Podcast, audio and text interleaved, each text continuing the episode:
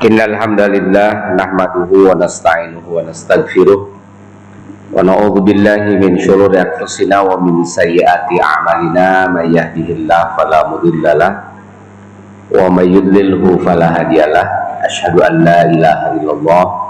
Wahdahu la syarikalah wa asyhadu anna muhammadan abduhu wa rasuluh. Alladzi la nabiyya wa la rasula ba'dah. Amma ba'du Alhamdulillah para hadirin bapak-bapak, ibu-ibu, adik-adik yang sama-sama dimuliakan Allah Subhanahu wa taala.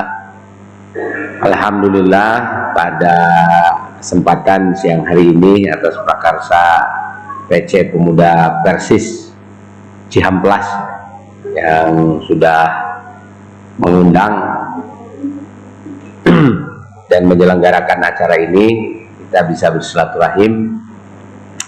Dan uh, ini jamnya pas jam tunu sebenarnya mah ngendah nama syare ya gitu duh laras pisan. Tapi batak upami uh, karena ini siang hari begitu ya kalau nanti banyak yang ngantuk itu saya maklumi. Sebab ngarenahna syare jadi asa di PPN ada yang pengajian nih apalagi ini ruangannya menggema. Nah, ini semakin cocok ini.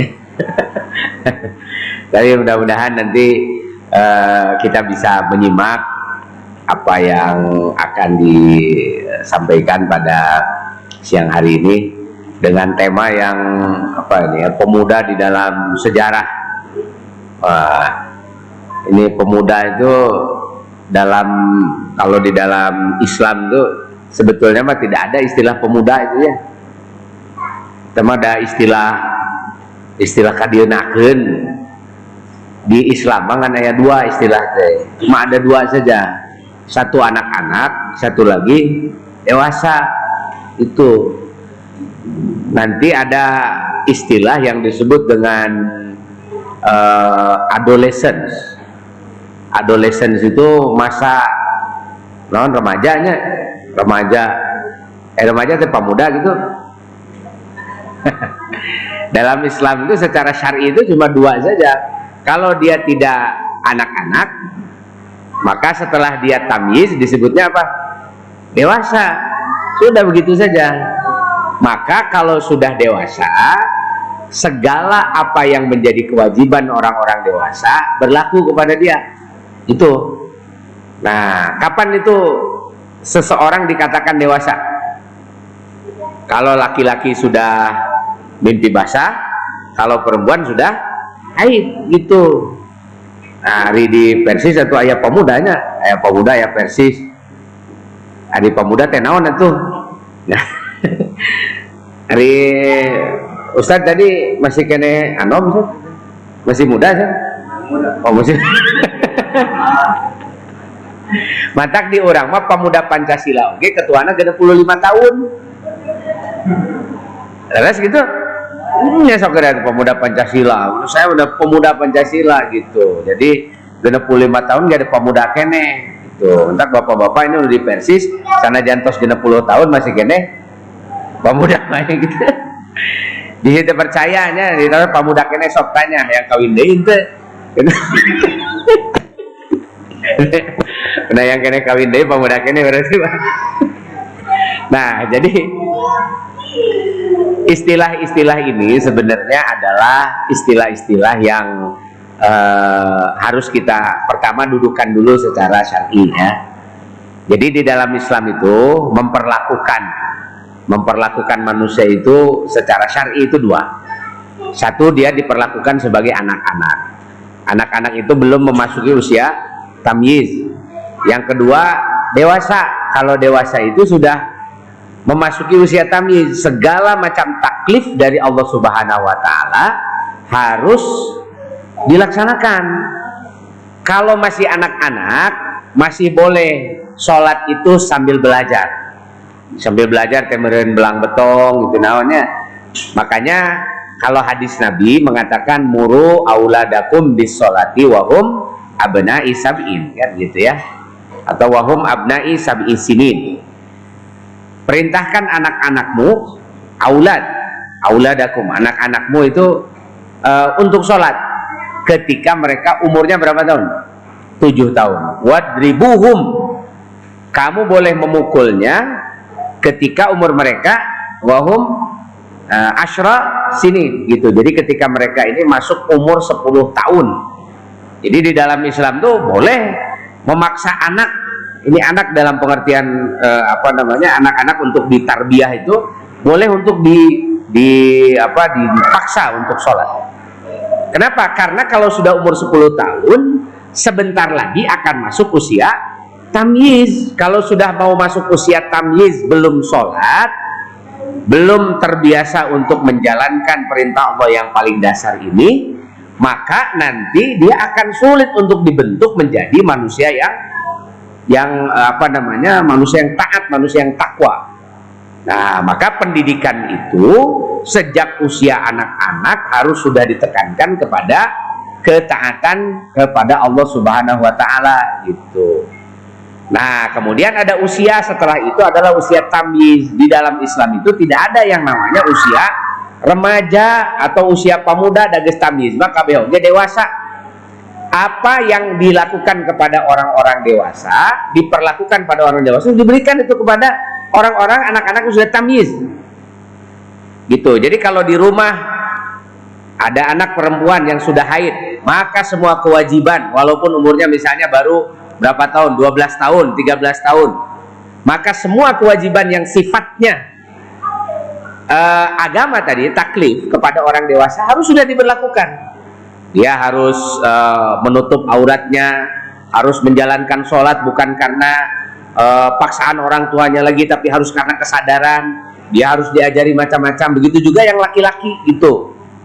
Tak kadang-kadang ya ada istilah adolescence itu itu disebabkan orang-orang Eropa orang-orang Barat dia ini menganggap bahwa ada fase sebelum dewasa itu ada fase apa namanya remaja. Jadi dari anak-anak, remaja baru dewasa. Nah, di masa remaja ini ada semacam masih eh, apa namanya? excuse, pemaafan untuk anak-anak ini melakukan kesalahan-kesalahan yang semestinya tidak dilakukan oleh orang dewasa.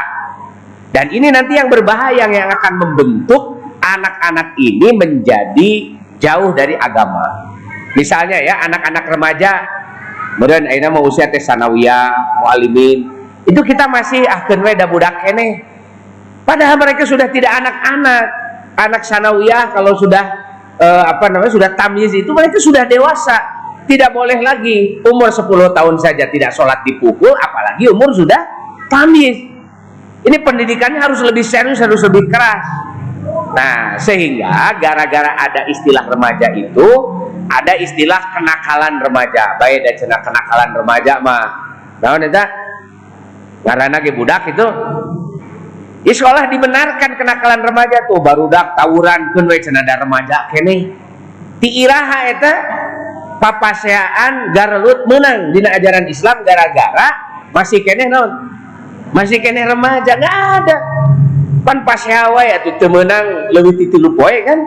La yahillu li muslimin ayah juru akhahu fauqa salah sati ayat jadi temenang tidak halal bagi seorang muslim dia bermuhajar uh, apa muhajar ini apa? Uh, bertengkar ya selama lebih dari tiga hari. Jadi tilu poin menang lah masih kena halal ya. Uh, halal gitu. Nah pas ya temenang lebih tilu poin kok. Garlut komo kan gitu ya uh, saling membunuh saling memukul dan sebagainya.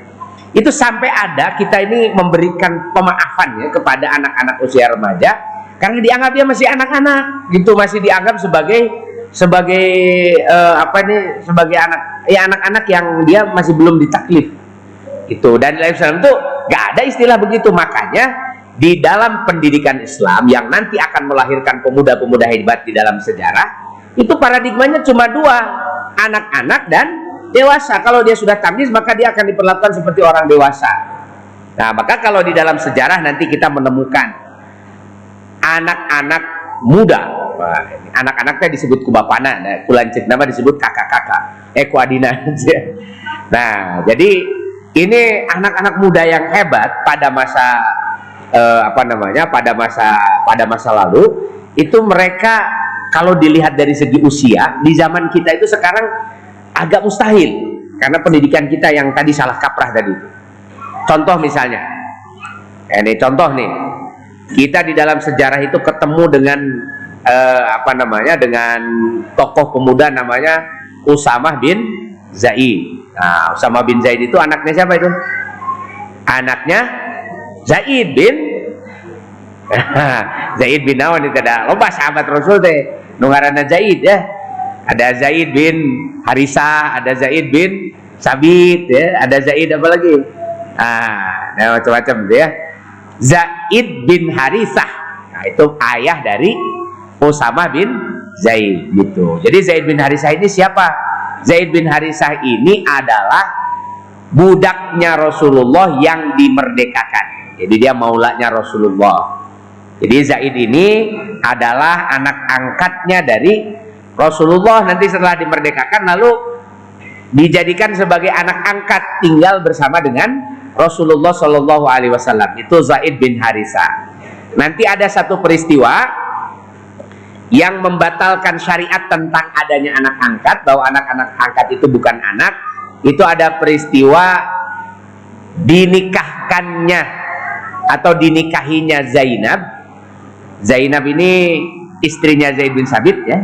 Eh Zaid bin Harisah yang diceraikan kemudian dinikahi oleh Rasulullah Shallallahu Alaihi Wasallam. Ini syariat ibtolut tabani membatalkan adanya anak angkat. Jadi anak angkat itu anak orang lain bukan anak uh, yang mengangkatnya.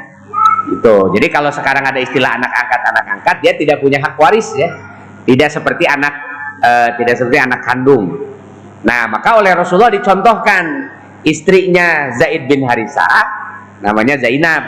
Setelah beberapa waktu diceraikan oleh uh, apa diceraikan oleh uh, Zaid ya kemudian dinikah oleh Rasulullah Shallallahu Alaihi Wasallam. Nah jadi ini uh, apa satu peristiwa yang uh, tentu ada tujuannya yaitu mengajarkan tentang ibtolut tabani itu dalam dalam tarikh disebutkan sebagai uh, peristiwa ibtol at-tabanni kemudian nah Zaid bin Harisah ini ini punya anak namanya Usamah bin Zaid Usamah bin Zaid dia adalah anak yang tentu saja karena Zaid ini orang yang sangat dekat dengan Rasulullah dia adalah as-sabiqunal awwalun minal muhajirin Orang yang pertama kali hijrah, asabikuna awalun minal muslimin. Orang yang pertama kali masuk Islam. Jadi ada empat orang yang masuk Islam pertama ketika Rasulullah uh, menyampaikan wahyu. Yang pertama adalah Khadijah, yang kedua Ali bin Abi Thalib, yang ketiga Abu Bakar, yang keempat itu adalah Zaid bin Harithah. Nah, Zaid bin Harithah ini anaknya namanya Usama bin Zaid yang dididik di rumahnya Zaid bersama dengan Rasulullah Shallallahu alaihi wasallam umur 17 tahun. Umur 17 tahun berarti baru kayaknya kelas apa ya? Nah ini kelas 2 SMA kelas 2 mualimin kelas 2 aliyah.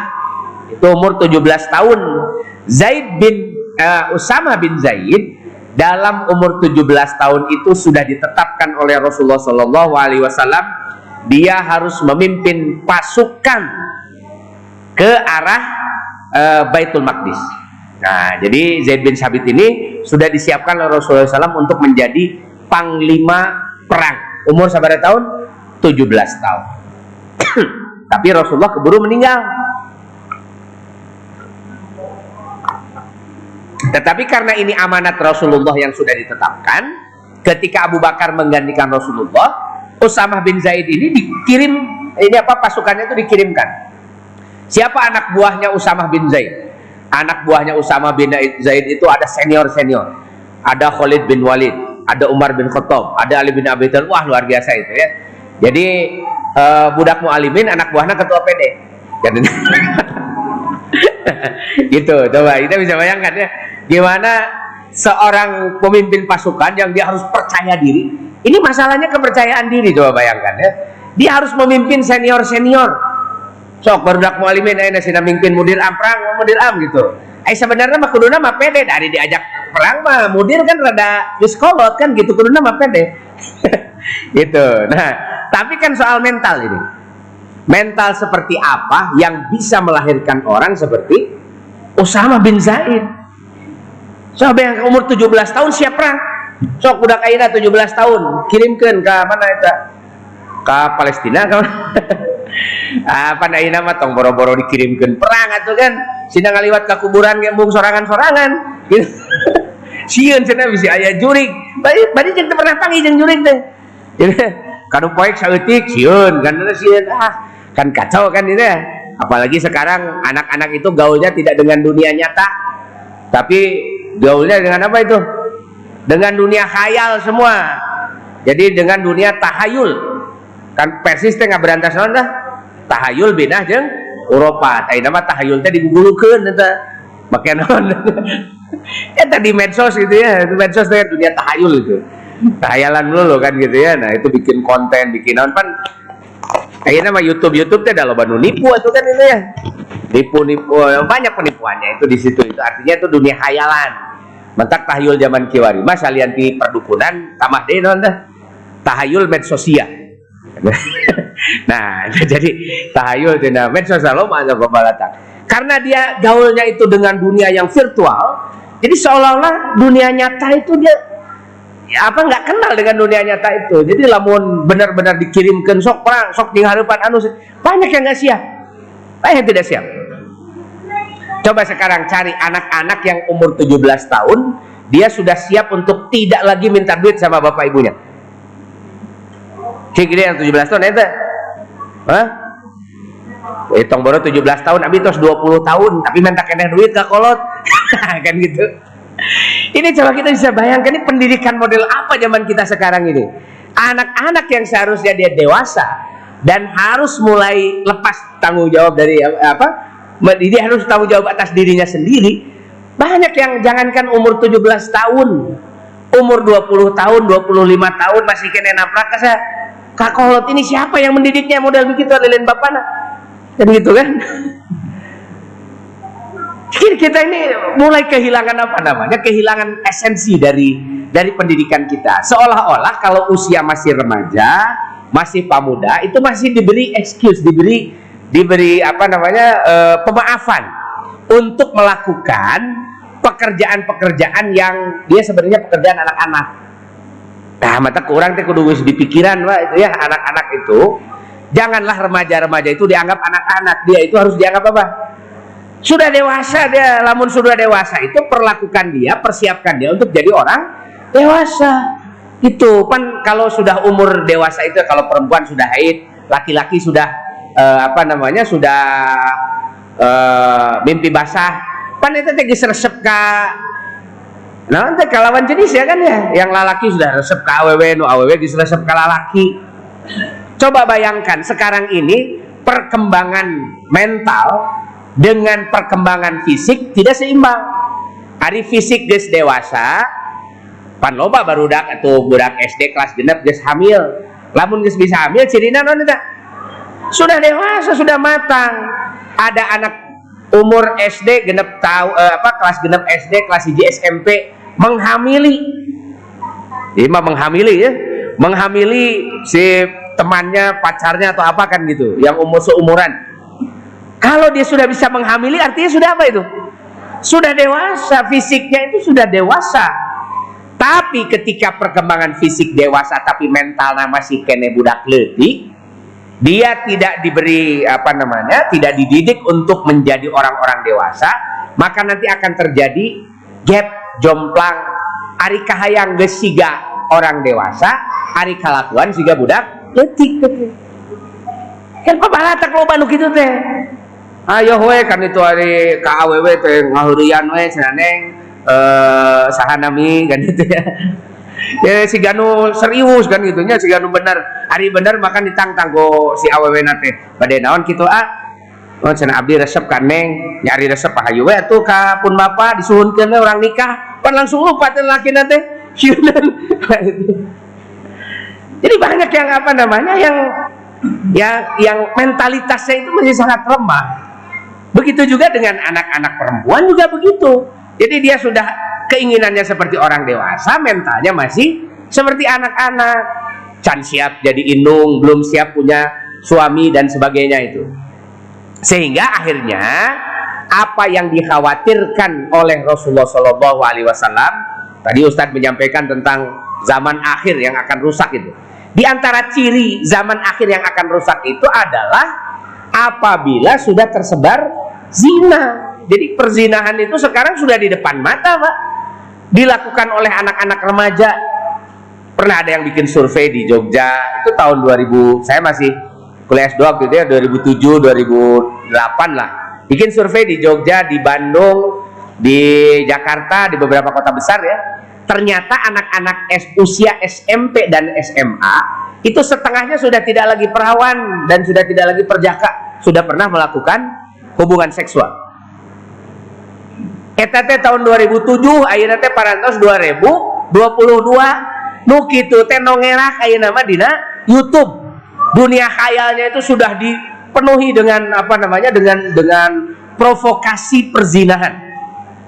Kan sekarang manu disebut bobogohan deh pak. Punya pacar gitu ya contoh nih anak SMA dengan anak SMA pacaran. Judulnya teh bobogohan. Rugi lamun bobogohan tidak melakukan hubungan seksual. Coba tanya sekarang anak-anak SMP SMA itu pacaran mau apa? Itu teh seperti pelegalan melakukan hubungan seksual. Dan sudah ngeri itu sekarang yang namanya pacaran-pacaran teh lain dan lain pegawaian nanti bukan zaman bahula namanya santri zaman simkuring ya.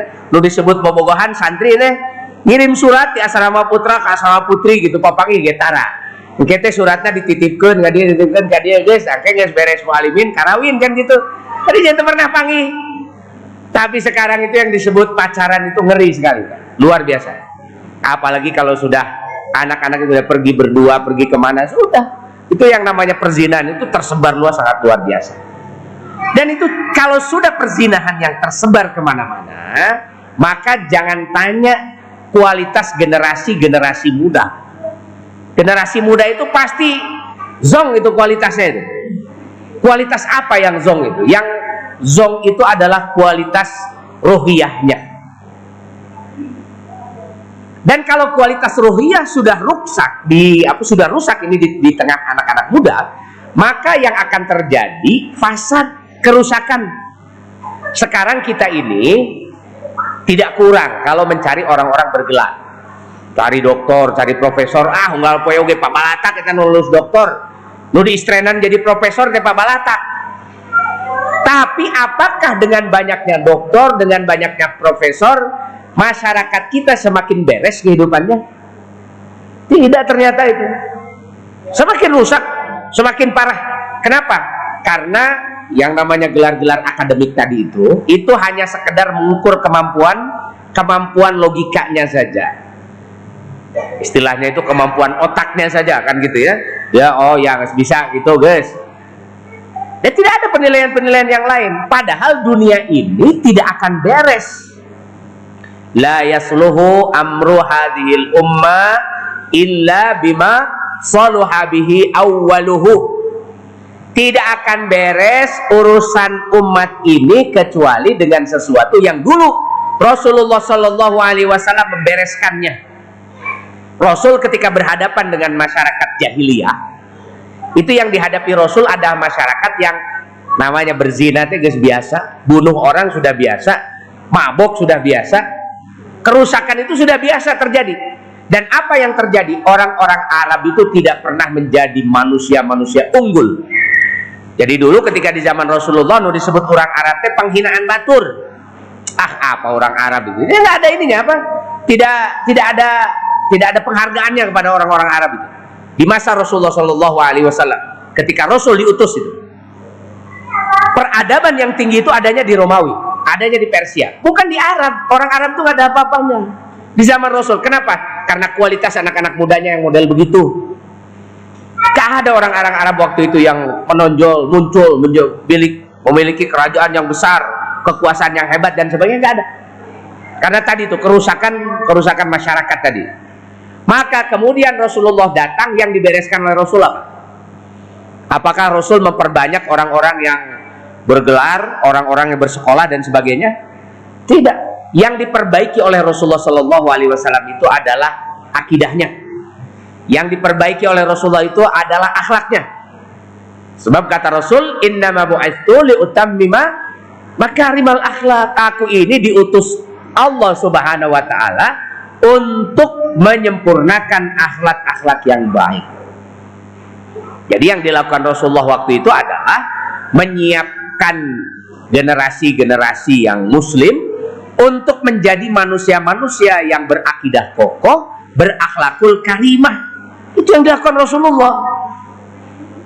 Dan ini yang menyebabkan nanti ketika Rasulullah pindah dari Mekah ke Madinah, orang-orang seluruh dunia jadi heran, terbelalak. Bagaimana bisa caranya di Madinah cuma dalam waktu 13 tahun Rasulullah hijrah dari Mekah ke Madinah, kemudian ditambah Rasulullah 10 tahun di Madinah, 10 tahun yang digunakan oleh Rasulullah untuk membangun Madinah itu telah menyebabkan Persia hampir runtuh. Romawi hampir bisa dijatuhkan. Kekuatan apa? Rasulullah itu tidak membangun kekuatan dengan mengambil sarjana-sarjana dari Romawi, mencari ilmuwan-ilmuwan dari Persia. Tidak. Rasulullah mempersiapkan generasi-generasi dengan al-akhlakul karimah dan al-aqidah as-sahihah. Itu yang dilakukan Rasulullah Shallallahu Alaihi Wasallam. Maka Rasul ketika menyampaikan risalah pertama kali, siapa yang dicari Rasulullah? Anak-anak muda. Dia ketemu dengan Ali bin Abi Thalib, usianya baru 12 tahun. Ketemu dengan Zaid bin Harithah yang usianya waktu itu masih sekitar 20 tahunan. Ketemu dengan Abu Bakar As-Siddiq kalau itu masih usia dengan Rasulullah SAW. Nanti Rasulullah juga ketemu dengan anak-anak muda yang lain. Sebagian besar yang beriman pada Rasulullah SAW pada waktu itu oleh Rasulullah dipersiapkan adalah anak-anak muda. Ada Utsman bin Affan, ada Umar bin Khattab. Jangan dilihat ketika mereka sudah tua, karena ketika masuk Islam mereka usianya baru puluhan tahun, hanya dua, dua puluhan tahun dan belasan tahun. Utsman bin Affan masih muda, Umar bin Khattab masih muda. Kira-kira waktu itu umur Umar Umar bin Khattab ketika masuk Islam itu 27 tahun. Utsman bin Affan itu terpaut lebih muda lagi dari uh, sekitar eh, uh, 25 tahunan ya ketika masuk Islam.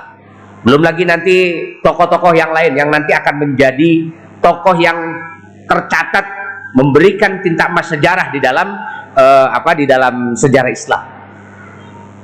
Abu Bakar As-Siddiq, Umar bin Khattab, Utsman bin Affan, Ali bin Abi Thalib. Mereka ini semua adalah anak-anak muda yang oleh Rasulullah Shallallahu Alaihi Wasallam diislamkan dan dididik di Mekah.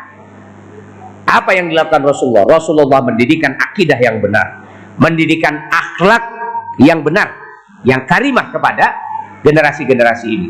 Dan hasilnya, nah, kan kalau Usamah bin Zaid ini mungkin tokoh yang tidak terkenal. Tokoh tidak terkenal seperti Usamah bin Zaid saja, itu bisa sehebat itu. Apalagi tokoh-tokoh seperti Abu Bakar As-Siddiq, Umar bin Khattab, Utsman bin Affan, Ali bin Abi Thalib yang sejak kecil, sejak muda dididik oleh Rasulullah Shallallahu Alaihi Wasallam. Jadi kan luar biasanya Rasulullah itu. Artinya apa ini? Artinya ketika kita menginginkan generasi muda nanti menjadi generasi muda pendobrak sejarah, generasi muda yang mengubah dunia, yang harus kita perbaiki pertama kali bukan soal sekolahnya sampai lulus S berapa kan gitu. Bukan itu. Yang harus dipersoalkan pertama kali itu adalah pertama akidahnya. Syirik dia tidak pada Allah subhanahu wa ta'ala. Kalau anak-anak muda masih suka dengan kemusyrikan itu ciri anak-anak muda yang lemah seperti bagaimana anak-anak muda yang senang dengan kesyirikan. Banyak anak-anak muda itu yang sekarang ini sirik ini sirik model zaman bahula tapi kiwari lo pakai nih anak-anak muda itu ya usianya mungkin belasan tahun. Dia itu uh, ada yang senang dengan apa misalnya dengan bela diri segala macam gitu. Nanti ketemu dengan gurunya diajak ayo sana orang neangan. Naon eta? Kadugalan naon itu? Nah neangan nanti di mana itu? Lamun di Garut maka itu ke Sancang terus beak kan walau nangis gundul ya lamun di dia ke mana nah ke Gunung Halu ya tuh ke Gunung Halu teh eh ulah dikira uh nu kieu pabalataknya itu masih banyak kasih jimat gitu Eta budak letik kene guys diajar dia tidak percaya pada dirinya. Dia disuruh diajari untuk percaya pada apa? Pada jimat. Dia bahwa nanti akan hebat, akan bisa ini, akan bisa itu teh takut sabab aya jimatan. Da kuring mah eh kuat teh naon da tidak dikadek teh aing mah kamari tas tapas sana di Gunung Halu teh. Nah, ayam meren menang tujuh poin tujuh puting makan nah terus naon deh lah kan loba dong kan gitu. Coba kalau anak-anak muda sudah mulai musyrik musyrik itu artinya menyekutukan Allah Subhanahu Wa Taala. Dia percaya bahwa dirinya bisa itu karena ada kekuatan apa? Ada kekuatan yang uh, apa namanya ada kekuatan goib tadi kan gitu ya nah, ada lagi anak-anak muda wah ya mah syirikna versi rada lebih lemah lagi. Apa ini kemusyrikan anak-anak muda itu? Dia merasa hebat dia merasa luar biasa ku sabab nemong-nemong kentaya bapak aing. Tuh itu musyrik itu namanya tuh. Karena ada ya tuh sampai dibikin syair sama orang Arab itu laisal fata man yakulu hadza abi walakinnal fata man yakulu ha anada gitu. Jadi anak muda itu bukan yang mengatakan hadza abi. Taya bapak aing tuh jadi lain lamun ya baru dak ngora guys di naon teh ke mana-mana nu dijual teh ngaran sana. Ngaran bapak nah ah sudah itu anak muda lemah itu. Anak muda yang tidak punya masa depan. Gitu. Raja naya petantang petantang wani. Apa tuh bapak aing pan anggota dewan bapak aing gitu. Nah gitu. Ayah gitu gitu ayah nu bapak RT kita nu pelekuk kan itu. Mana teh nyawa bapak aing ketua RT ya.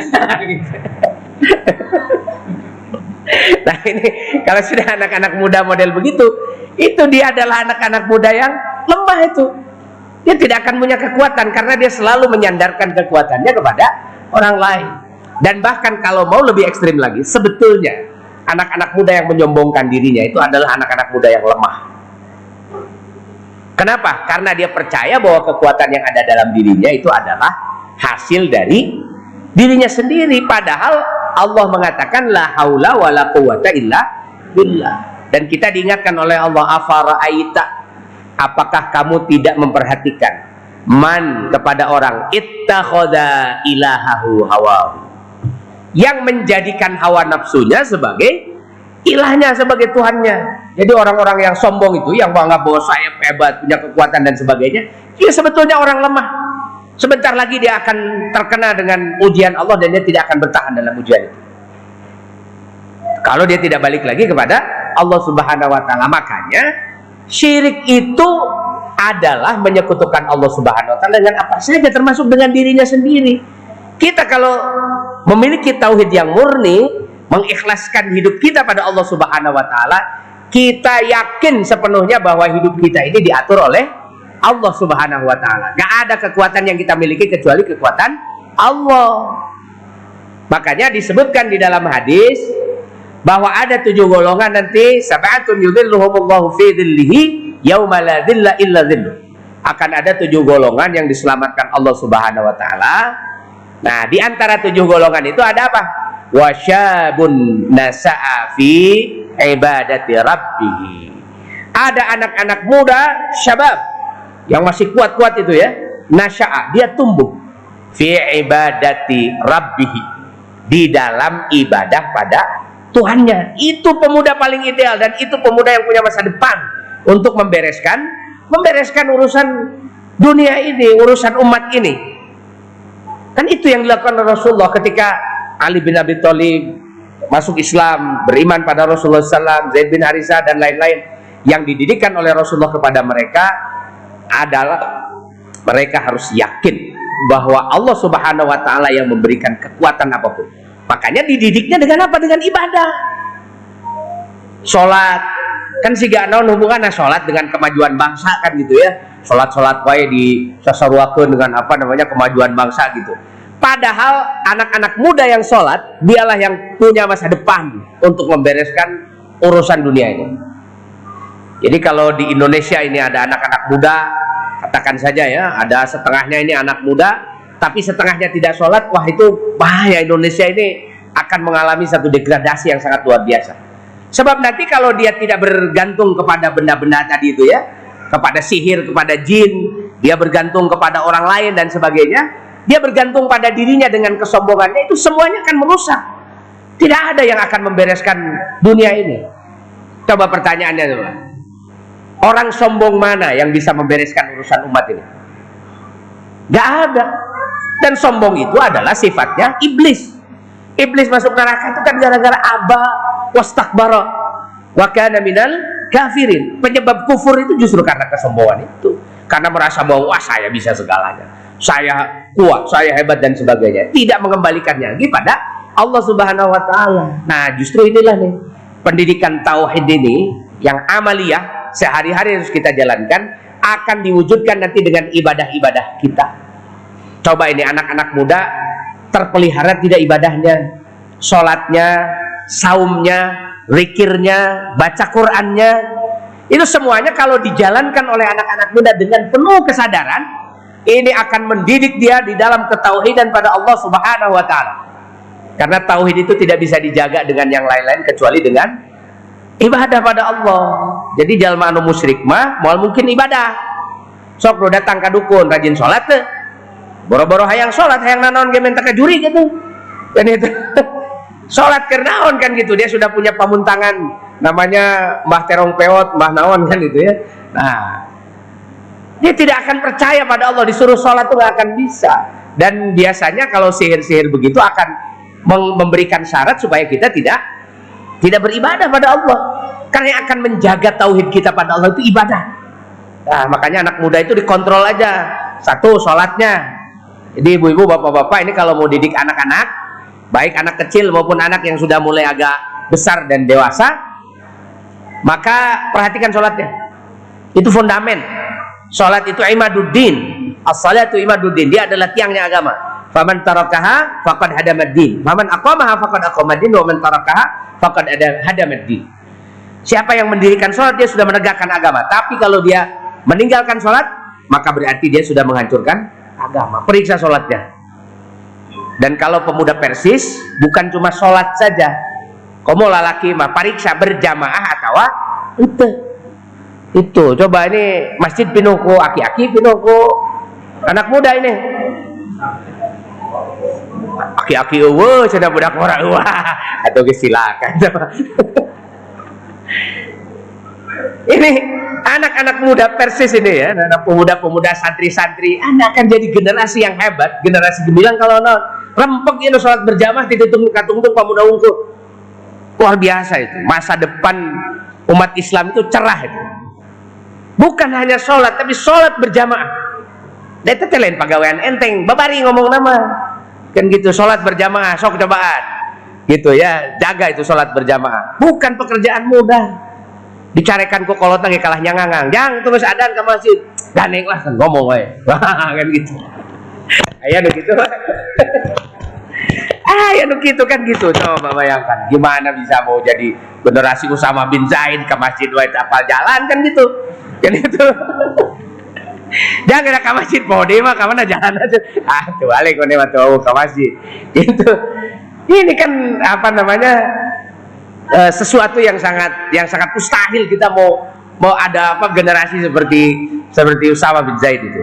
Ada anak muda namanya Muhammad Al-Fatih, umur 12 tahun bisa jadi gubernur. Bayangkan, mimiti balik jadi gubernur tak? Ada bapak naraja. Kan itu. Nah, 17 tahun sudah. Dia diangkat jadi apa namanya jadi wali kota di gubernur 17 tahun. Ya 21 tahun dia menggantikan bapaknya jadi sultan. Gitu. Tapi bapaknya percaya bahwa dia nanti akan bisa menjadi pelanjut yang hebat. Nawan sabab nanti umur tilu tahun dititipkan ke uh, apa namanya sama gurunya dan nggak pernah itu dididik dengan dengan kemanjaan. Pernah suatu ketika Syekh Samsudin Aak ini gurunya Muhammad Al Fatih datang ke bapak uh, apa namanya uh, di dat uh, sorry ini Muhammad Fatih kabur ya umur lima tahun. Kabur balik ke kolotna kan gitu. Laporan kuning cerita disiksa wae ku guru teh dicepretan wae. Gitu sok panggil guru mana kan dia panggil kan gitu. Lamun zaman kiwari mah jangan dicarikannya ku bapak nate ka guru. Nah itu kaur itu dicepretan karek sekali dikepret balik saeutik pada tena naon wah lapor ke polisi penganiayaan kan gitu. Itu kolot belegu begitu teh ini uh, apa namanya ayahnya Sultan Al Fatih panggil gurunya Syekh Samdun ini. Uh, Syekh katanya ini anak saya apa namanya kabur ini. Kenapa kabur ini? Ini dipukuli terus. Ah kata saya sama ya betul. Kenapa dia dipukuli? Wah bejakan. Eh, si budak teh bawang dasar anak sultan kan ya? Dia cari anak raja masuk rada rada bawang nah oh begitu. Raja sultan kan dia apa namanya dia paham bahwa gimana budak lah memang bangor kan itunya.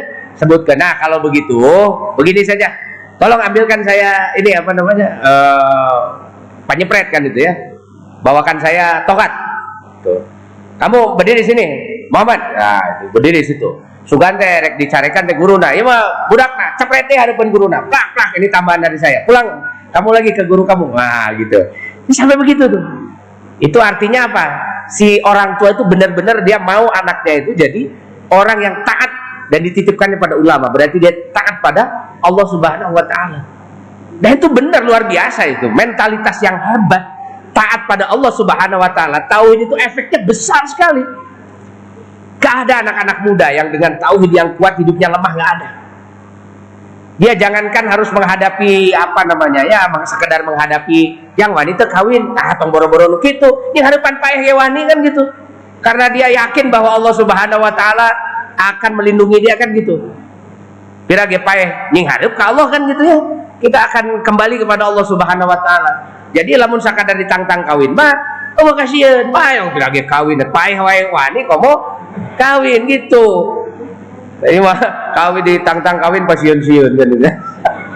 hari kawin ge sayang hari kawin teu wani kan itu lah. Eh kan riuh eta. Kunaon teu wani kawin cece. Hese can boga gawe. Nah, ini kan ini susah ini kalau mental masih kene orang bertauhid masih mikir saya tebuah gawe itu mikirnya pakai apa itu nggak ada ceritanya begitu kan gitu kalau dia yakin pada Allah Subhanahu Wa Taala dia pasti yakin bahwa Allah akan menepati janjinya contoh misalnya ya Allah mengatakan wa ma min dabatin fil ardi illa Allahi rizquha tidak ada makhluk yang melata di muka bumi kecuali akan dijamin rezekinya gitu Terus disebutkan lagi fankihul ayam minkum sok nikahkeun tah nu can kararawin. Iyakunu fuqaraa lamun eta nu kawin dikawin-kawin teh fakir yughnihimullahu min fadli. Maka bakal dibeungharkeun ku Allah gitu. Jadi lamun sieun kawin gara-gara teu duit, nah eta saya kira itu zaman nanahawan kan itu kuno itu. Itu. Jadi anak-anak ini harus uh, disiapkan mentalnya gitu karena urusan yang begitu itu urusan mental gitu jadi urusan mentalnya siap tidak kan gitu jadi nitah kawin itu ya sih malah babujangan medite jadi nah jadi ini pendidikan Rasulullah yang pertama kali menyiapkan generasi-generasi hebat itu adalah tauhid. Diyakinkan pada Allah Subhanahu wa taala dengan apa? Dengan ibadah pada Allah. Keyakinannya dibangun terus. Dengan ibadah yang benar ini kan gitu ya dia nanti direkatkan dengan syariah. Dia pelajari apa yang ada dalam Quran apa yang dalam hadis dan sebagainya. Ini akan menjadi modal untuk membangun mentalitas. Karena saya kira dunia ini kenapa sekarang loba kasiun umat Islamnya sebab tadi tidak dilatih tauhid yang kuat. Sieun tedahar panolobana mah jelema teh kiwari sieun tedahar itu. Kunaon jang eta ngomong teh jadi Wirung gitu kan itu. Anu sieun bisi geus isuk dipecat. Pedah naon tah pedah pegawai negeri kan itu nya non ASN itu. Pedah PNS sieun atuh bisi dipecat kan terus mau dipecat kumaha? Teu dahar. Kan itu sieun sieun teu dahar. Padahal Allah sudah menjamin rezeki Allah itu bukan karena kita dapat gaji bukan karena kita untung di pasar bukan. Rezeki kita ini kita dapatkan karena kita hidup. Jadi salilah keneh ayah nafas mah berarti bakal ayah rezeki. Nangan kadang orang sok suudon ke Allah naon suudon teh kita menyangka rezeki kita itu jalannya dari situ saja. Yang punya gaji suka suudon. Ah dari taya gaji batu di mana kuring teh rek dahar sok loba kan nggak namun gitu oh batu atau hari itu dagang baik dengan sakit kieu. Nah dagangan teh di mana deui atuh rek bisa dahar teh? Banyak orang yang begitu. Itu namanya suudon pada Allah. Terpercaya ke Allah Subhanahu wa taala. Coba tunjukkan ayat dan hadisnya bahwa rezeki itu datangnya dari gaji, dari untung dagang, dari apa namanya buruh. Ayat nggak ada. Abu Abu Rizki kasir.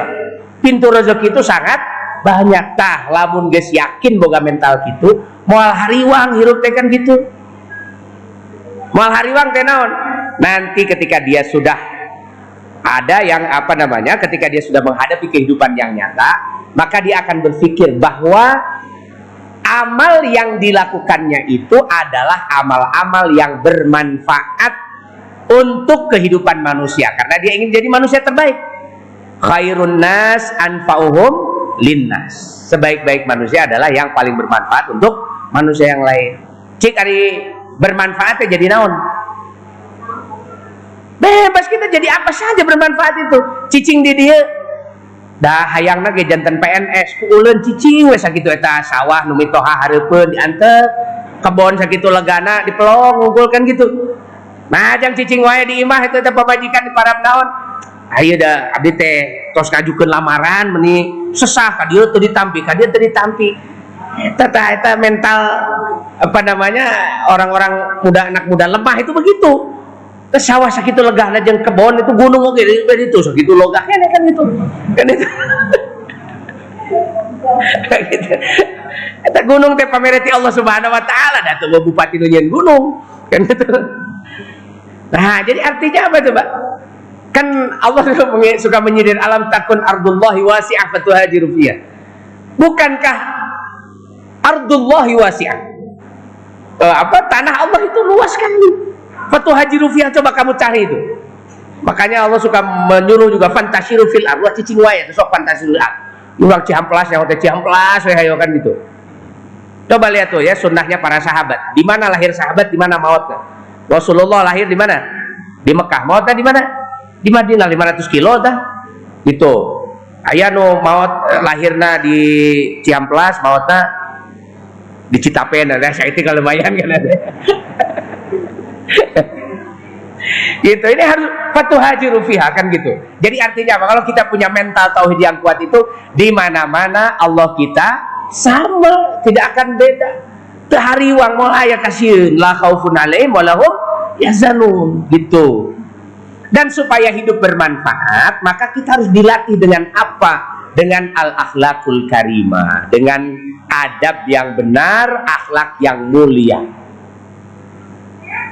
jadi adab itu kita harus kan diajarnya dileletik adabiah kan adab kakolot, adab ke tetangga, adab ke sesama, adab ke apa namanya ke guru dan sebagainya. Itu kalau kita praktekkan dengan baik, maka di mana pun kita berada, kita ini mudah untuk menjadi bermanfaat untuk siapa saja. Dan untuk menjadi bermanfaat itu macam-macam caranya itu. Tekudu sekolah wae, tekudu cicing wae kan gitu ya, itu manfaat tuh. Semoga cicing manfaat kan.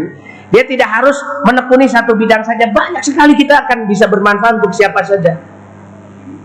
Nah, di kita ini karena paradigma paradigma hidup nih yang keliru. Ya, yang disebut digawe teh, anu digawe teh kumaha? Daftar, asup naon ayat asup ke kantor, tulis naon ayat jam kantor, pugu asupna pugu kaluarna, pugu gajihna, kan disebut digawe teh model gitu. Jadi muncan kitu mah disebut teh pengangguran sakit unggal poe datang ke kebun cik lamun unggal poe datang ke kebun pengangguran atau digawe? Nah, di kebun macul naon eh gitu nya beres kebun naon gitu. Coba itu yang begitu pengangguran atau apa? Aduh abdi mah teh acan damel naon atuh nya kayu we ka kebonnya ugal dinten oh banu gitu tekan gitu. Nah di kebun lain di digawe gitu ayah nu unggal poe teh datang ke masjid sesapu di masjid gitu. Da resepna membersih masjid tinggali masjid kotor bersih. Kayak guys beres bersih masjid yang ada masjid sejen bersihan deui kan gitu. Gitu. Cik kita nu kita teh pengangguran atau digawe tah. Hah? digawe. Itu mah nyata digawe. Cik hari ibu-ibu ibu-ibu ya di bumi. Ini ibu-ibu apa pekerjaannya Hari ibu rumah tangga teh pengangguran atau bekerja? Hah? ah, abdi mah di damel mung ibu rumah tangga cenah teh. Apa ibu rumah tangga tidak bekerja ada? Pekerjanya ibu rumah tangga itu 24 jam itu. Tapi kan nu ngagaji lagi lieureun sabaraha sok tanya ka salaki wani ngagaji sabaraha?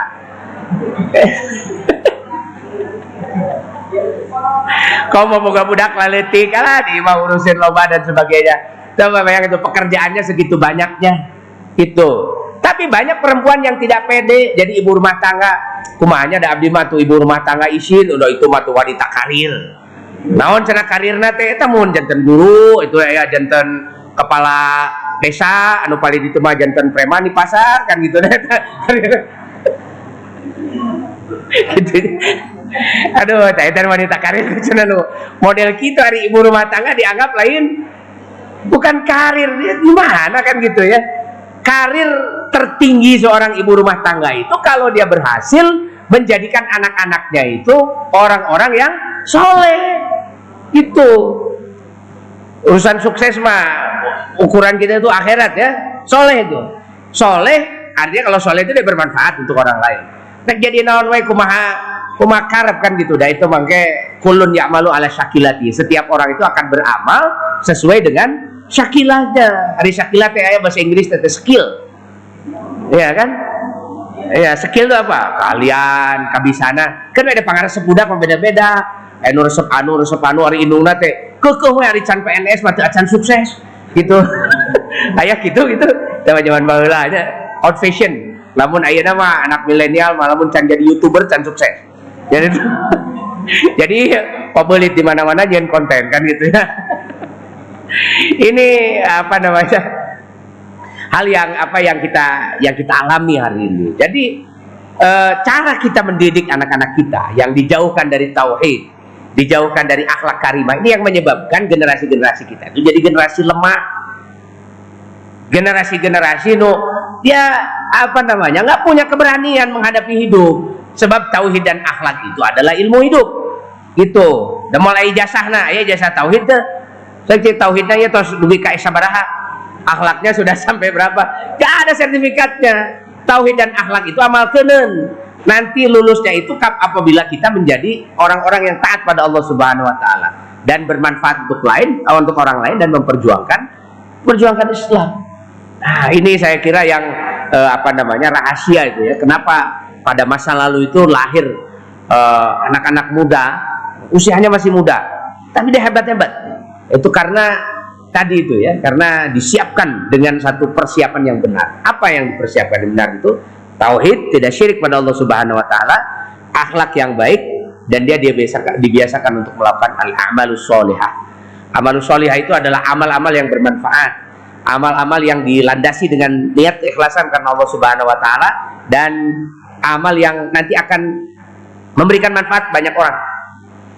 Ibu jangan terlalu matematis gitu rezeki itu ya, bapak-bapak juga sama. Itu ibu-ibu biasanya sok hariwang. Saya ada pengalaman ini, ada tukang macul. Maculnya kayak boga sawah, buburu.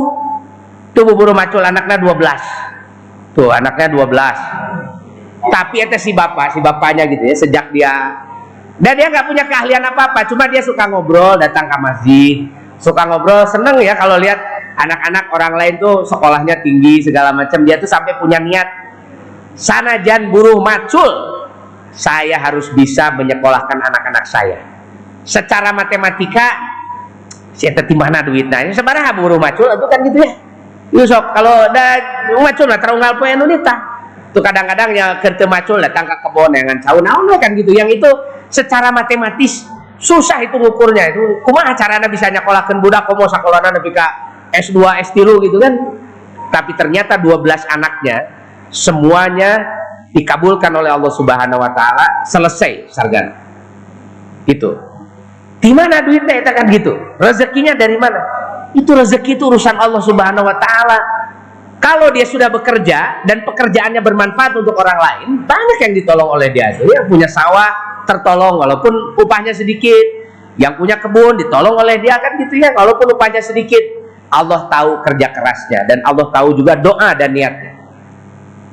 Jadi sebenarnya mah kuat kene doa barek robah takdir mah lain pegawaian urang jadi ada satu tangan yang menegadah berdoa itu lebih kuat daripada seribu tangan yang sedang melakukan pekerjaan.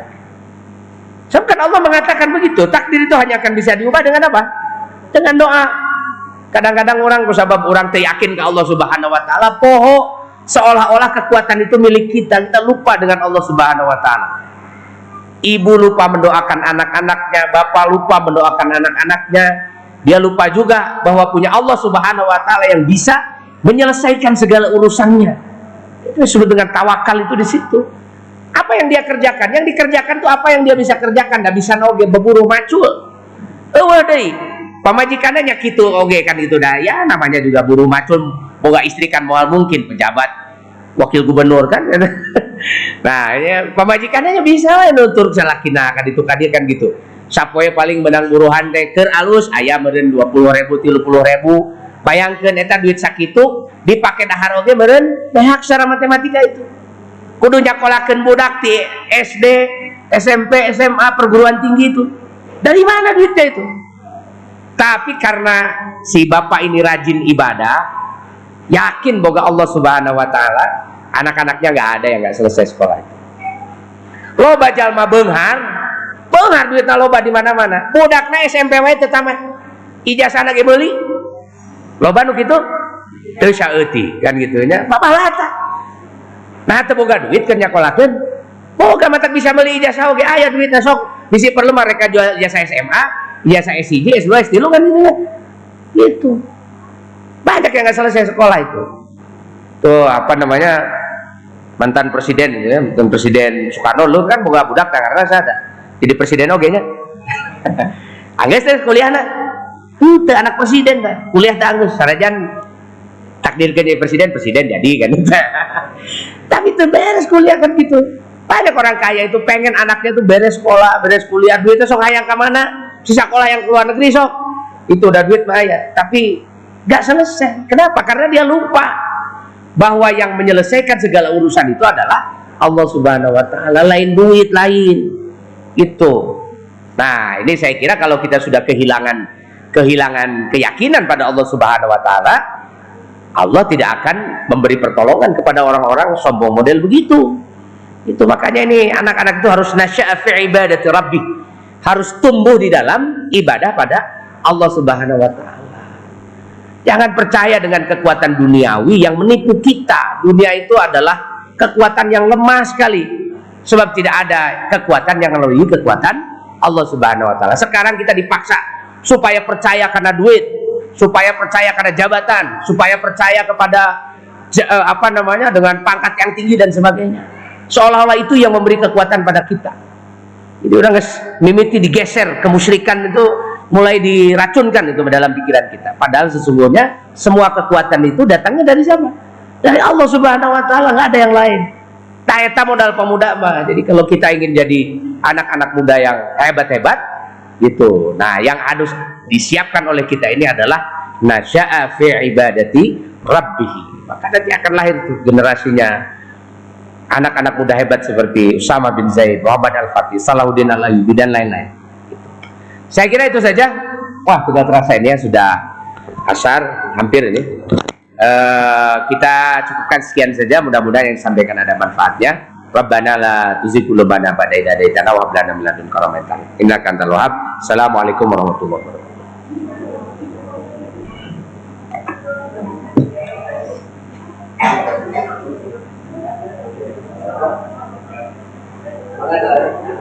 Saya.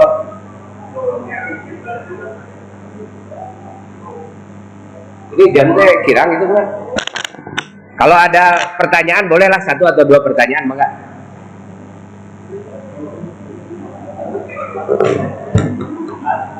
Ini belum asar kan? Oh belum. Sugan teh asar itu. Oh sajam deh. Ah, masih panjang tuh. Silakan kalau ada pertanyaan-pertanyaan. Saya kira udah asar tadi. Ya, mangga.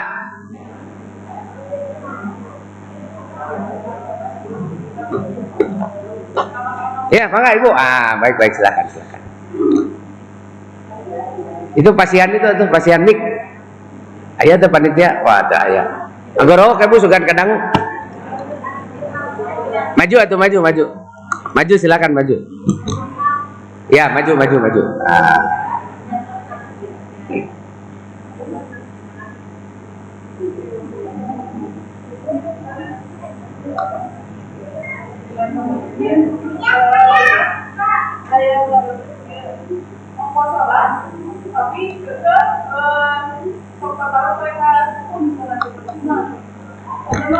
Ya baik.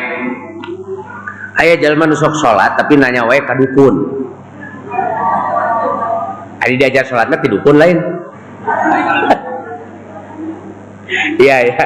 Jadi begini, ada orang yang sholat alladzina hum an salatihim sahun nah ya nu kitu nya tong boro-boro nu tatanya ka dukun wae anu salat hayang kapunten wae loba ya alladzina hum yuraun jadi orang-orang salat itu tidak semua orang yang salat adalah orang-orang yang mukhlis karena Allah Subhanahu wa taala. Mungkin ada orang yang sholat karena kebiasaan aja kan gitu ya kebiasaan tinggal batur sholat ngiluan lah kan gitu.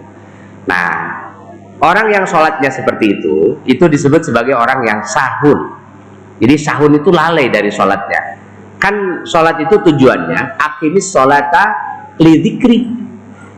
Tegakkanlah sholat lidikri untuk mengingat Allah subhanahu wa ta'ala nah kalau untuk mengingat Allah berarti kan mengingat segala apa yang ada di dalam diri Allah Subhanahu wa taala, kekuasaan Allah, kehebatan Allah, keluar biasa kemahaan Allah Subhanahu wa taala semua diingat. Jadi ketika kita nyebut Allahu Akbar, Allah yang maha besar, semuanya kecil, nggak ada yang lebih besar daripada Allah Subhanahu wa taala. Gitu. Nah, berarti kalau begitu, sholat orang semacam itu itu baru sholat pada level apa itu? Nah, sholatnya masih kene karek ngan ukur ungked dan unggul. Buah-buah sholatnya sok baca antara tanya hilang kan gitu. Nah gitu. Jadi makanya tidak heran. Masih ada masih ada ya. Yang STMJ STMJ sholat tuluy maksiat jalanan itu. Pan ayah teh anu memeh iya cenah ya ya profesi naon pelacur. Ah memeh ini pelacur teh sholat lah dua rakaat hari pokna teh cenah pelacur syariah Wah, lamun anu kita dan harus tujuh kan itu ya. Ini, nah jadi artinya apa? Memang di dalam menegakkan sholat, di sholat itu kalau sudah di pertama gini kesimpulannya lain kudu ninggalkan sholat, ai meninggalkan sholat lebih parah lagi kan gitu. Lu sholat wae ayah nu gitu, komo nutara sholat, eh nu sholat nutara sholat sama sekali dia tidak akan ada benteng. Untuk datang ke dukun cari ke, kemusrikan dan sebagainya itu sama sekali nggak ada benteng. Orang yang tidak sholat, yang sholat saja masih bisa kebobolan bentengnya itu. Apalagi yang tidak sholat. Nah makanya solusinya bukan kemudian ah, hari itu mah tutup kudu sholat weh. Bukan begitu. Tapi kualitas sholatnya diperbaiki. Dengan apa? Memperbaiki kualitas sholat itu. Pertama tentu dengan menjaga tadi ya kualitas sholat itu dengan terus kita menjalankan sholat. Yang kedua meningkatkan kualitas sholat itu adalah bitar kiatil ilmi. Dengan meningkatkan ilmu ilmu tentang apa? Tentang sholat yang kita jalankan gitu. Jadi biasanya nu kitu teh salat mau sok ngantara ngaji. Sok perhatikan. Ada datang ngaji dalam datang ke ngaji matu nanya lagi ke ustad malah ke dukun berarti eta mah rajina non tah? Rajin gaul jeung dukun gitu makan gitu. Atau nu sok katanya kak dukun gitu. Padahal makan katanya kak dukun teh dukun lintu penyakit matu kan itu nah itu ada dukun itu begitu kan gitu. Walaupun kelihatan ada solusi tapi solusi itu menjebak. Tidak ada solusi yang uh, apa namanya yang uh, bisa menyelesaikan masalah. Jadi kalau di pegadaian itu kan menyelesaikan masalah nah itu pegadaian aja menyelesaikan masalah tanpa masalah gitu menyelesaikan masalah tanpa masalah gitu. Kumpul apa masalah nanti kan gitu. Barang ulang yang tadi gade. Nah, jadi datang ke dukun itu eh, apa itu menyelesaikan masalah dengan menambah masalah berlipat-lipat itu. Jadi masalahnya loba. Di orang datang ke dukun misalnya tehnya ayah ya eh, lalaki kan itu ya lalaki PSMR ditolak ku aww kan itu wah langsung pakai jurus. Cinta ditolak dukun bertindak. Wah gitu. Wah, tulu neangan naon ya, neangan dukun. Sih sebenarnya Pak dukun ya. Di naon teh pangjampekeun kan gitu. Anjeun we naon ya? Pelet naon itu ya, masang susuk dan sebagainya gitu. Itu masang susuk teh ting naon eta dipasangkeun ya. Katanya sih emas gitu asupkeun ka dia Tuh gaib gitu. Uh, dan uh, yang model begitu banyak itu. Eta artis-artis teh pagawean kadukun teh wah guys Dukun itu mainannya artis itu paling banyak dan dukun itu paling senang kalau didatangi artis daripada didatangan santri di atau ustadz di Ciamplas itu. Hari didatangan ustadz maka hiji teboga duit, tuh kedua paling sok kesehatan misalnya kan itu. Hari artis apa nomor duit gitu yang tara mahal ya. Nah makanya orang-orang dukun itu sering disebut orang pintar sabab nu datangna barodo itu namun pinter mama datang ke dukun. Itu kan itu ya nggak ada ilmunya itu datang ke dukun. Nah makanya itu kualitas sholat harus ditingkatkan dengan tarqiyatul ilmi. Jadi kudu diajak ngaji bunuh gitu mah ayo ngaji gitu. Sudah tobat. Sebab ke dukun itu kalau sekali kita sudah pasang power untuk kedatangan apa datangnya sihir ya jin dan sebagainya itu eta kadang-kadang tuh bisa lepas umur-umur eta mudah sekali kita terpengaruh itu dengan apa dengan jin-jin itu. Tapi lamun seumur umur setara hubungan lah dengan apa nggak pernah kita berhubungan dengan yang uh, sihir-sihir semacam itu. Biasanya si jin kita hei mereka ngurang dengan gitu. Sebab te, te, akan ada hubungan naon. Dulu saya ingat tuh kakek saya itu tinggal di belakang makam. Wah makam nanti geledegan bu. Besar sekali. Orang kalau lewat situ tuh takut tuh kalau malam-malam kakek saya di situ cuma satu aja rumahnya. Tuh satu seorang kan tinggal dengan nenek itu. Berarti bapak saya dulu tinggal di situ juga. Ah itu si kakek itu kan loba sana. Kina atau siun gitu ya ya damun tadinya teh sana sok ayah non sok ayah naon. Iya sepuluhan tahun cicing di dia saya pernah apa ini gitu. Mun hayang masih nak kadirek diajak ngobrol kan bela orang mau batur ngobrol. Jadi tah si Jinwa kan gitu nya di hari panu wadian gitu teh kalah sieun gitu jadi nusieun teh lain jalma kalah jurig teh nusieun teh gitu tapi ya begitulah kan manusia yang lemah itu manusia yang dia eh, apa namanya yang keimanannya pada Allah itu lemah maka dia akan mudah sekali terpengaruh dengan yang model begitu maka pentingnya tolabul ilmi itu di situ kenapa karena tolabul ilmi itu makanan untuk ruh kita. Jadi kita ini oleh Allah diciptakan dalam dua unsur. Unsur pertama unsur jasmani. Makanan jasmani itu adalah makanan fisik. Ya seperti air, minuman, makanan dan sebagainya gitu. Itu makanan fisik kita. Tekudu di bejar biaskan gitu mah di tangan unggal poin. Gitu. Tapi ada yang kedua, unsur yang diciptakan oleh Allah dalam diri kita dan ini yang sangat menentukan hidup yaitu ruh. Jadi ruh kita ini oleh Allah ditiupkan ke dalam tubuh ketika ubur, uh, tubuh kita berusia 120 uh, eh, apa 120 hari ditiupkan bersama dengan dicatatnya semua takdir yang akan kita alami gitu ya oleh Allah Subhanahu wa taala. Nah, ditiupkan ruh itu. Nah, ruh inilah yang tugasnya. Ini ruh ini tugasnya adalah sepanjang dia ada tugasnya menyerap ilmu. Kenapa tugasnya menyerap ilmu? Karena ruh ini yang mengendalikan jasad. Kalau ruhnya nggak ada ilmunya, nanti yang akan mengendalikan si ruh ini bukan ilmu tetapi hawa nafsu. Hawa nafsu manusia sumbernya cuma dua. Yang pertama perut, yang satu lagi sejengkal di bawah perut. Itu sumber manusia. Nah, cina sejengkal di bawah perut ya bujur gitu. nah, jadi itu sumber nafsu manusia itu itu syahwat namanya, syahwatai. Jadi kalau manusia nggak ada ilmunya, syahwat perut dan syahwat farji inilah yang nanti akan menyebabkan manusia menjadi rohnya ter, dikuasai oleh hawa nafsu itu. Nah, jadi roh itu butuh ilmu. Nah, butuh dia asupan untuk apa? Memperkuat dirinya supaya dia bisa mengendalikan nafsunya supaya dia bisa mengendalikan syahwatnya bisa mengendalikan perutnya bisa mengendalikan bisa mengendalikan farjinya itu itu adalah ilmu contoh ya bu ya kita makan berapa piring sapiring dua piring tiga piring? Ah sapiring hanya lah. Nah, dua piring kalau lebating itu deh sapiring dah harte. Kira-kira manusia ketika dia mencari makan anu diteangan cukup sapiringan atau lebih di sapiringan lo loba nama loba kasihan jalma teh neangan harta untuk makan itu disiapkan sampai nanti untuk berapa tahun daharna teh kira sederhana nama sok ini ke pasar ibu-ibu lamun beli daharin ke pasar saberapa yeun samingweun sabulaneun kah aja beli kulkas itulah dina kulkas sieun naon teh sieun teh dahar teh Padahal madahar si dahar makan sepiring gitu. Kalau kita ikuti hawa nafsu, maka hawa nafsu kita akan mengendalikan jiwa kita.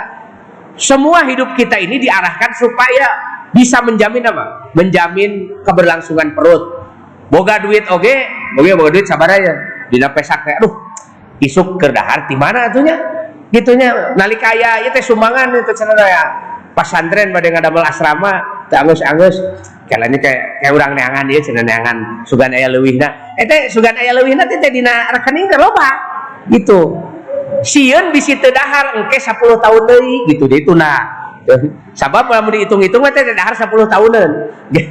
Dahar 10 tahun ditunda kene jadi dia cari yang receh-receh aja receh sumangkeun ke dia kan gitu kalau kita tidak pakai ilmu, maka yang akan terjadi pada kita adalah asyuku. Sifat pelit. Cok, jelmamanya lamun teu make ilmu, dia nggak ada ilmunya, cenderungnya manusia itu innal insana khuliqa halua. Manusia itu diciptakan berkeluh kesah. Idza massahu syarru jazua. Kalau dia terkena musibah, keluh kesah.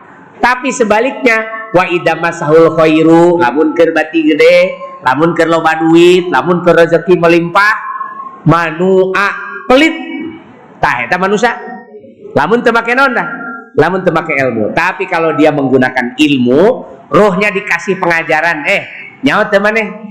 Rezeki kamu itu cuma tiga. Cek ilmu tanya ajaran ti Rasulullah.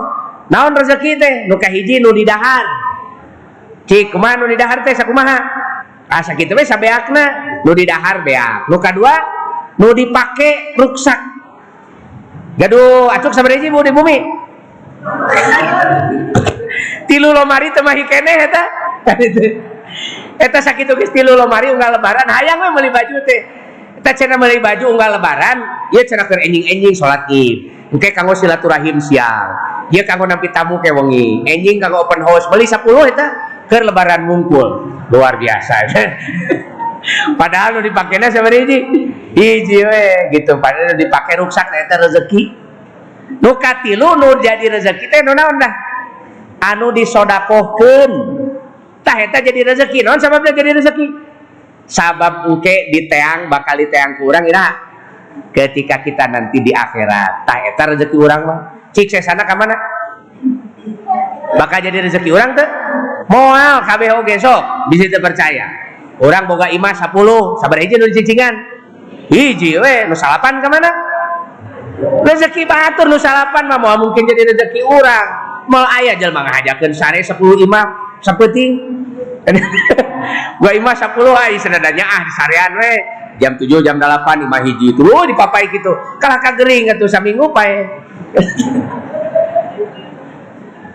itu itu lamun geus pae eta rezeki ka mana eta ta rumah yang banyak tanah yang luas rekening di bank yang numpuk gitu ya miliaran deposito segala macam. Ka mana lamun geus pae milu gak ada yang ikut mati itu semua ditinggalkan berarti liwarisi milik orang lain tuh. Kan lamun make ilmu maknya benernya. Pan orang teh hirup hirup teh sekedar butuh rezeki butuh dahar, butuh makan dipakai kan gitu ya. Kalau kendaraan tuh dipakai meren itu butuh rumah nu butuh iman nu dicicingan. Nah onda ya tuh. Saya sana orang teh butuh sonako. Ameh engke orang boga pakaya anu loba di mana? Di akhirat. Ci kira-kira ari sodako. Kabutuh orang, kabutuh anu menta. Kabutuh orang gitu. Jadi sedekah itu kebutuhan kita bu bukan kebutuhan orang lain. Kalau kita masih menganggap sedekah itu kebutuhan orang lain, berarti kita masih terkena penyakit asyukku. Bakhil. Itu penyakit yang yang disebabkan karena ruh kita dikuasai oleh syahwat, bukan dikuasai oleh ilmu. Gitu. Nah, makanya ini kita harus menjadikan ilmu itu sebagai panglima, menjadi asupan dalam diri kita sehingga nanti kita bisa mengendalikan syahwat kita. Gitu. Nah itu pentingnya ilmu tuh di situ. Maka kalau kita oh ya bener ya sodako ada kebutuhan orang, lain kebutuhan batur. Kita ini berusaha boga duit selitik selitik sodakohken, selitik sodakohken. Komo loba mas sodako lebih loba. Kan ciri orang bertakwa itu adalah yunfiquna fisarra'i wadharra'i. Kerbenghar sodako, ker miskin oke, okay? sodako gitu. Pira-pira ge mayar naon iuran kan gitu ya. Iuran sabaraha tuh. Sabaraha iuran teh 15 ribu sebulan. Kali 12 sabaraha? 180 ribu. Enteng sakitu mah ya kemudian aya 2 juta tah. Sesana mah sodako we tah. Dikeun 2 juta kan gitu. Hah? Aya nu kitu mah? Seuri alhamdulillah cenah seueur di Ciamplas alhamdulillah. gitu ta lain kalah ditatagi we kudu mah memeh nagih geus mayar ti heula ye patah lima tahunan lah oh, kudu nagih-nagih tah. Ye sodakohna lima tahunan teh sabaraha ta 200 kali 5 1 juta. Sodakohna 5 juta mah genep juta ti abdi gitu. Ya saya kudu pikiran naon sababnya? Sabab iya teh rezeki urang mah. Gitu. Lamun ditunda di rekening si kaburu pae kaburu pae teu kabawa ka kuburan itu kan gitu ini mau ke mana ini kan kita ini? Nah jadi kalau pakai ilmu itu kan mudah hidup itu. Yang terberat memawari pakai ilmu malamun masih kene ternyata hawa nafsu yang menguasai kita berarti ilmunya nggak ada. Tak kudu ditambahan dulu ilmu nata. Supaya kita bisa mengendalikan syahwat kita. Supaya syahwat kita itu turun cek rasul ilmu yakin deh karena ilmu di Allah subhanahu wa ta'ala. Mana kosot malun min sodakotin. Te ayah harta anu kurang gara-gara sodako ayat tuh salaki anu uh, naon teh miskin gara-gara kebiayaan pemajikan dengan anak? Ya kan gitu. Gara-gara pak salaki teh bagur ke pemajikan anak teh. Sok tak pemajikan butuh naon bere? Anak butuh naon teh kan gitu dipangneangankeun sebab kewajiban teh kan nafkah. Nafkah wajib eta teh leuwih sodako wajib teh kan ya? Itu itu sodako wajib itu. Suami me, apa memenuhi kebutuhan anak dan istrinya itu biasanya suami yang penuh tanggung jawab pada anak dan istrinya rezekinya akan dicukupkan Allah Subhanahu wa taala. Moal kurang. Komo lamun sal anak eh, pemajikan diperhatikan, salah eh, anaknya diperhatikan. Belum lagi nanti ada orang tua, orang tuanya dijamin. Kemudian ada saudara-saudaranya miskin-miskin disantuni, ayah ngebangun pesantren, sumbang dan sebagainya. Banyak sekali yang dia tanggung. Itu Allah Subhanahu wa taala akan menjadikan rezekinya itu lebih lancar lagi karena kebutuhannya banyak. Itu orang mah hese duitnya ku alatan pengeluaran saya etik pedit itu. Hari cai, cai ini cai teh. Cai teh datang loh, aku sabab koko carana gede. Gitu. Dalamun koko carana letik sanajan diberi cai loba oge mubah. Ini kan koko carana letik kan sekitar cai ti ditu teh wah ya sa ribuan kubik ini tuh nya tici tisangguling diasupkeun kabeh ka dieu nya ari paralon anu ukur tilu parapat.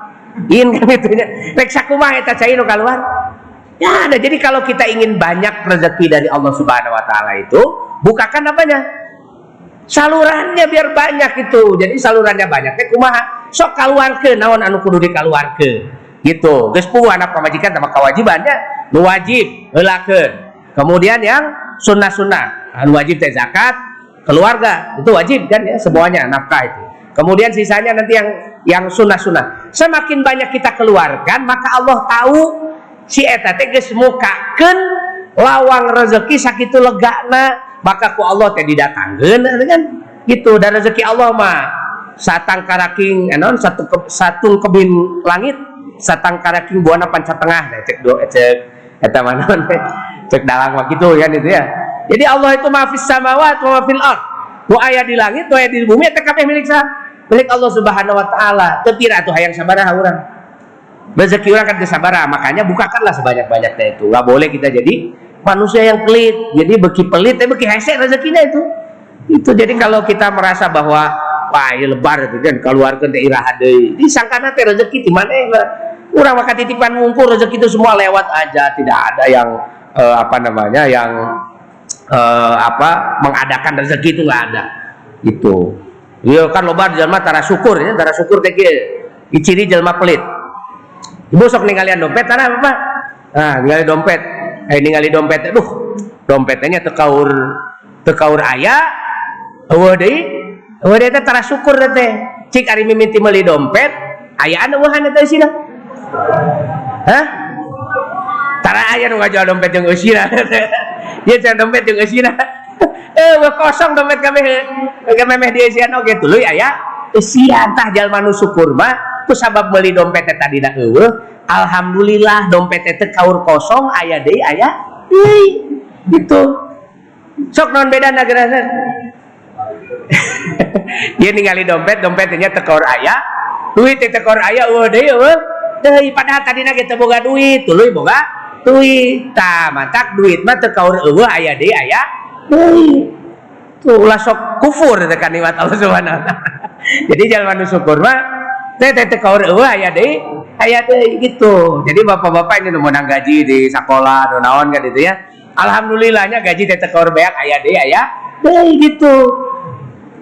Hari ieu mah aduh gaji tehnya teh kaur teh kaur aya eueuh deui eueuh deui gitu. Teh teh syukur karena Nah, itu mentalitas ya, mentalitas dan itu datangnya dari mana? Minal ilmi, datangnya dari ilmu. Gitu. Jadi kalau kita nggak ada ilmunya, segala oke, lebar orang nuturkeun hawa nafsu, eh ayo ada hidup nuturkeun hawa nafsu malah aya kabegdaan itu. Gak akan ada saadah kebahagiaan fid daroin fid dunya wal akhirah gak akan ada. Justru kebahagiaan itu datangnya ketika kita ada ilmunya dari Allah Subhanahu wa taala, kita ikuti ilmunya, enteng hidup itu penuh dengan kebahagiaan. Urusan dunia maka kabeh bakal ditinggalkan. Rek loba rek saeutik lamun hayang loba bukakan keran sing loba meh loba. Gitu. Jadi jangan menutup keran. Nanti Allah mau ngasih banyak juga tertulus. Nah ada mana mah pelit di we saeutik dah yang lagi sakit itu. Kan pelit banyak ayah rekening sajuta. Itu tiba heula di 10 tahun kan tukang rekening sajuta naon sajuta wae? Ieu lebar sata. Eta beleguk nanti kan gitu lamun hayang nama pican itu nu sajuta meh datang deh gitu. Jadi tidak 10 tahun teh juta kali sekian ratus kali kan gitu. Kayak bakal loba dari sini. Artinya apa? Nanti amal kita akan banyak. Pahala kita di hadapan Allah Subhanahu wa akan banyak. Pan eueuh deui udah jangan kurang. Kecuali orang bisa papahi jeung Allah bahwa catatan amal soleh anu loba. Gitu. Dan itu butuh ilmu semuanya. Kalau nggak ada ilmu nggak bisa.